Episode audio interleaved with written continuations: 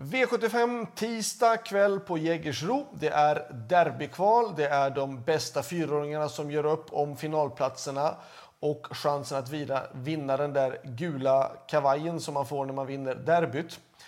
Ehm, det brukar kunna bli lite favoritbetonat just när det gäller derbyförsöken. Ehm, dels för att det är ju sidade försök så att de bästa eller de mest meriterade och de som har varit bäst, de kommer inte i de samma försöken utan de blir sidade i olika lopp. Ehm, men det kan skrälla ibland. Ibland kan någon stor favorit falla väldigt tungt.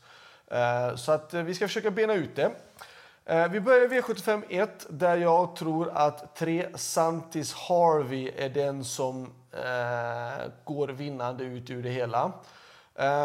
Det är klart att ett Keep Gamble har ju varit jättebra. Han har utvecklats otroligt fint här de sista månaderna. Eh, men Santis Harvey är ändå Santis Harvey och han har ett perfekt utgångsläge. Själv kör nummer sju Kyrie Ellison som har gått bra också under stark utveckling men har dragit lite tråkigt utgångsläge.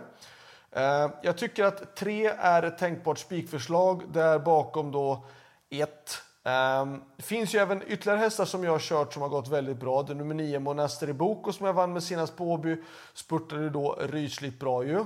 Likadant nummer 10 Joe Dalton spurtade också bra till seger. uh, på Mantorp senast och har ju otroligt hög speed och kapacitet. Sen 11 following som var i final i Sprintermästaren uh, men som såklart är missgynnad av att ha fått spår 11 den här gången. Men following är ju stark nog att kunna ta en finalplats, det tror jag absolut.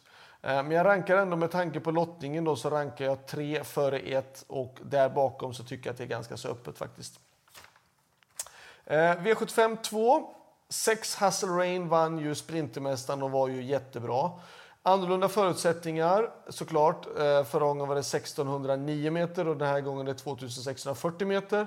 Men det har hingstarna klarat av tidigare. Conny Nobel vann inte kunga, eller Sprintermästaren men han vann ändå derbyt sen. Uh, Gaston Pride vann. Det är många som har gått bra i Sprintermästaren och även kvalat in till derbyt så det behöver vi inte lägga så stor vikt på. Um, men Hustle Rain är tillräckligt bra att kunna vinna, men jag vill gardera med nummer två, Greensboro Set, som har det bättre utgångsläget. Och sen då om man vill ha med så är det då den hästen som jag körde med, 11, Excusez-moi, som eh, inte fick travet att stämma senast. Har blandat och gett de här sista tre starterna, skulle jag vilja säga. Sista fyra starterna, fjärde senaste starten var han rysligt fin. Tredje senaste starten var han briljant och var han ruskigt, ruskigt bra. Eh, Näst senast så gick han bra, men han var bättre tyckte jag på Solvalla tredje starten sen.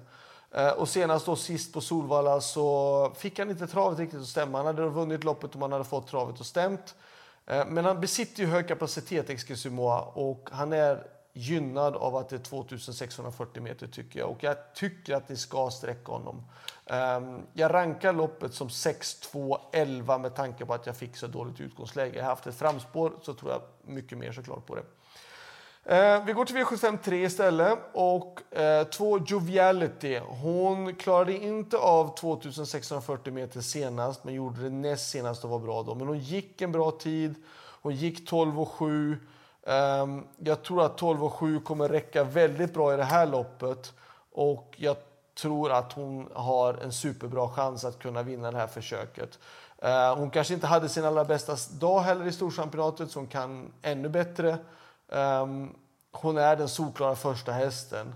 En häst som också besitter hög kapacitet men som bara har startat en gång i år det är nummer fyra Erik the Phantom. Um, han har bara gjort åtta starter i livet men det låter väldigt optimistiskt om honom och um, jag körde honom flera gånger förra året och han besitter jättehög kapacitet den här hästen.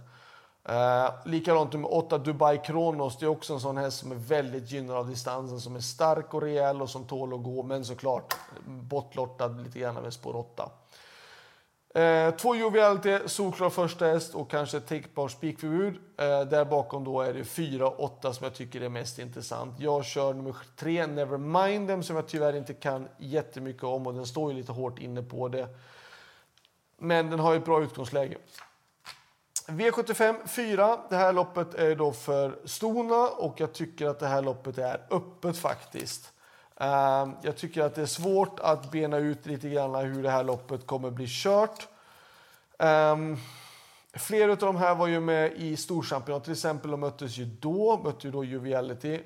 Ehm, jag tycker man ska ta många hästar i den här avdelning 4 faktiskt. Jag tycker två Jurista, sju Riverdale Set, åtta Luxury River, 10 Kyla Westwood, 11 Melby Coral. 12 Månskenstösen har sitt form nu, hon har ju gått jättebra. Har ju inte vunnit lopp tidigare i livet men har ju vunnit de två sista, har ju visat jättefin form. Men spår 12 såklart. Då. Så jag säger 2, 7, 8, 10, 11. Men, ehm, och kanske 12 då. Men jag säger det här loppet är faktiskt öppet. Jättesvårt. Svåraste loppet i omgången. V75 5. Två Bengan har fått ett perfekt utgångsläge och det är ju dagen D lite grann för Bengan. Jag tror att man har siktat just på det här loppet eh, hela året och eh, jag såg att även att det stod aviserat barfota bak på Bengan. Perfekt utgångsläge har man fått och inte heller kanske i det hårdaste hitet. Framförallt inte då när den värsta motståndaren, 12 Dancer Brodde, fick det utgångsläget han fick. Eh, så att Bengan är en solklar första häst. Där bakom Det är 12 Dancer Brodde. 6 Barak Face är också en häst som besitter eh, hög styrka och kapacitet. Och då, om man vill ta en tredje häst så tycker jag att det är den som gäller i sådana fall. Men för mig är det solklar första häst i två Bengan. Eh, V75 6. Också lite grann mer öppet. Eh, fem Esposito kom ju med fina segrar och har gått jättebra i lite lägre klass får man ju säga ändå.